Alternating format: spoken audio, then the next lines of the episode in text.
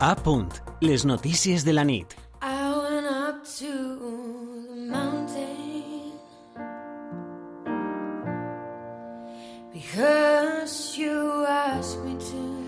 A les 8 i 44 els parlem d'un avanç mèdic, en este cas és un avanç en la lluita contra el Parkinson que porta més Segell València. Per a saber-ne més hem d'anar a l'Hospital La Fe de València, on han aconseguit implantar un nou sistema d'electrodes que permet obtindre informació sobre una malaltia que té més de 20.000 persones diagnosticades a casa nostra. José Soler, bona nit. Sí, Alba, bona nit. L'Hospital La Fe de València és el primer centre a Espanya que ha implantat amb èxit un nou dispositiu d'estimulació cerebral profunda.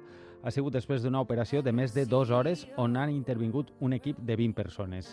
Esta intervenció obri la porta a conèixer millor com actua aquesta malaltia, que és la segona patologia neurodegenerativa més comuna després de l'Alzheimer i que en alguns casos, i degut a les alteracions de mobilitat, pot arribar a ser encara més incapacitant.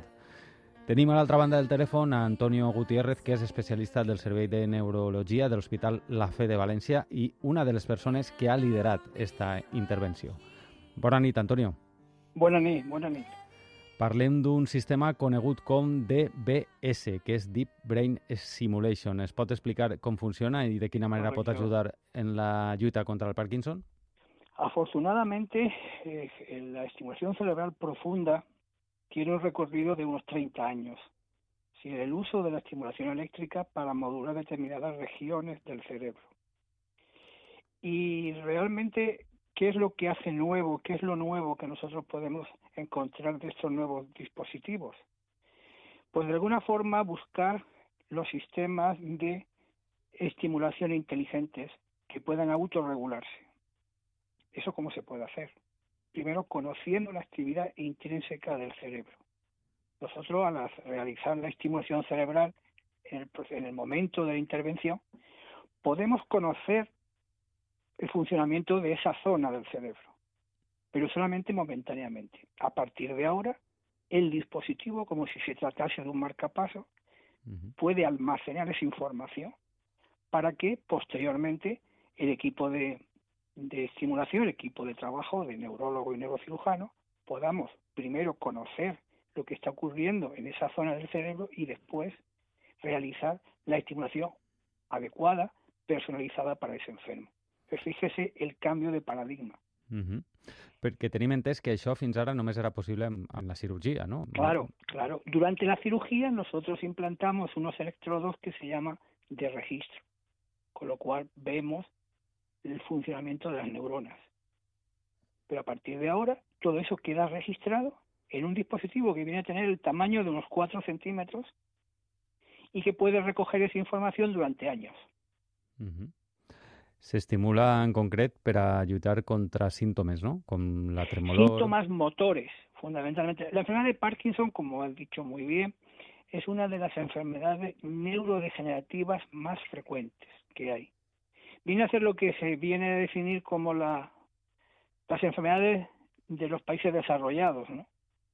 Entonces la gente se prolonga más la vida, hay más enfermedades degenerativas y hay que dar tratamientos a estos pacientes. Por tanto, la estimulación cerebral profunda en, en- en la, en la cirugía, en el Parkinson, es una de las eh, terapias mejores que se puede aplicar en estos enfermos junto con la medicación, que es la dopamina, que es la, Mhm. el déficit fundamental que tienen los enfermos de Parkinson. Mhm. Perquè es tracta d'una malaltia canviant en evolució que, segons un pacient o un altre, evoluciona d'una manera més ràpida o més lenta. Eh, hi ha manera de preveure-ho o de quina manera ajudes eh, eines com esta a, a, a fer-ho?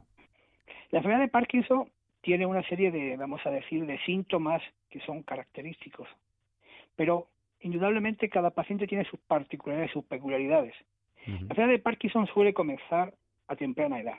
Lo que pasa es que los síntomas se manifiestan a lo largo de la vida. Por lo tanto, cada paciente tiene un recorrido de enfermedad diferente. Por eso es tan importante que hagamos una terapia personalizada.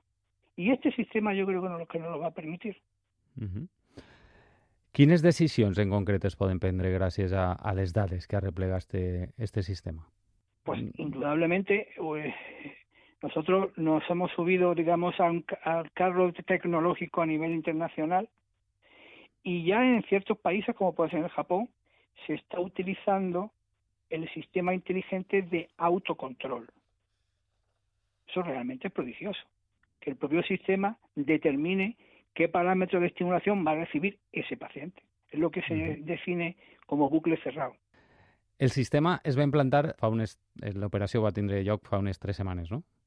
Sí, sí, unas tres semanas, sí. ¿Tenen ya algunas dades de, de seguimiento? No, todavía no, todavía tenemos una información que realmente eh, todos estos procedimientos tienen un periodo de análisis. Realmente la estimulación es la misma, pero la información la iremos ahora adquiriendo y iremos viendo cómo podemos optimizar, porque fíjense que el dispositivo tiene una duración, una vida media de en torno a unos 20 años. Si conseguimos optimizar el tratamiento, porque piense usted que la estimulación se está realizando permanentemente en el enfermo. Eso tiene un consumo de energía. Si nosotros podemos conseguir reducir ese consumo, podríamos prolongar la vida de ese dispositivo. Fíjense, sí. se abren muchas posibilidades. Si té una vida de 20 anys, eh, estem parlant de pacients mm, amb una edat mm, més o menys eh, jove no? per, a, per a la malaltia. Claro, la frontera de la cirugía de la del, del, del Parkinson está en los 70 años. Nosotros hemos llegado a operar pacientes con 25 años. Como promedio estaríamos hablando de los 50, que es una edad óptima para una vida activa, una vida plena. Si conseguimos durante ese periodo mantener los controlados los síntomas, realmente estamos ofreciendo al paciente una calidad de vida muy alta. No olvidemos que la enfermedad de Parkinson sigue progresando. Nosotros no estamos curando el Parkinson, nosotros lo que estamos es mitigando los síntomas, especialmente motores, que tiene esta, esta enfermedad. Perquè en el cas d'este sistema a la fe, això és un, es tracta d'un assaig, eh, hi haurà continuïtat? Que no le quepa la menor duda, porque los nuevos logros tecnológicos han venido para quedarse, como se dice vulgarmente.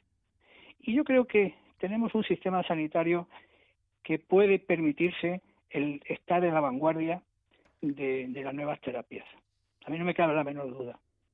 Hemos tenido la suerte que hemos implantado en la comunidad valenciana, concretamente en el Hospital de la Fe, pero detrás ya hay otras comunidades que ya están empezando a realizar estos implantes.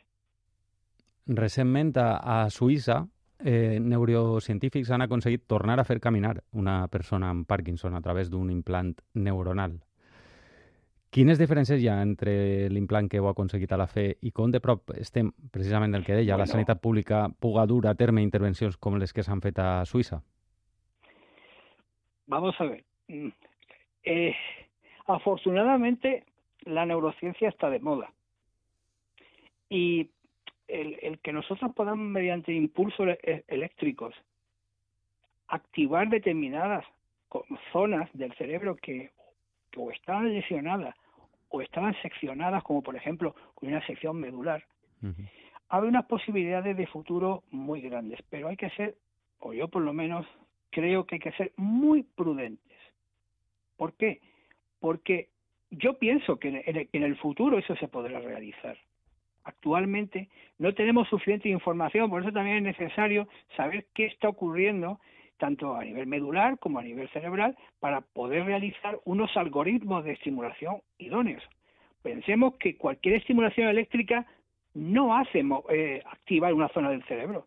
Tenemos que, y no lo sabemos realmente, qué frecuencias, qué pulso, qué intensidades tiene que requerir cada zona del cerebro para, para vamos a decirla, modularla, ¿no? Pero yo estoy convencido que, que llegará un momento en que haya, porque realmente la médula tiene lo que se llama un marcapaso de movimiento, de, de- de- de andar. Se hizo, se han hecho experimentos en animales en el que se ve cómo la estimulación medular en secciones medulares puede activar de una forma refleja determinados movimientos. O sea, eso es una línea que realmente es apasionante. Ujú. Es apasionante. Doncs amb aquesta reflexió ens quedem. Antonio Gutiérrez, especialista del Servei de Neurologia de l'Hospital... Neurocirugía. Neurocirurgia, Neurocirurgia. perdó. Sí. De l'Hospital La Fe de València. Moltes gràcies per atendre'ns. Muy, muchas gracias y, y enhorabuena porque realmente estamos de, de buena, de buena, buen día. Enhorabona a vostè. Moltes gràcies. Escoltes a punt. Les notícies de la nit.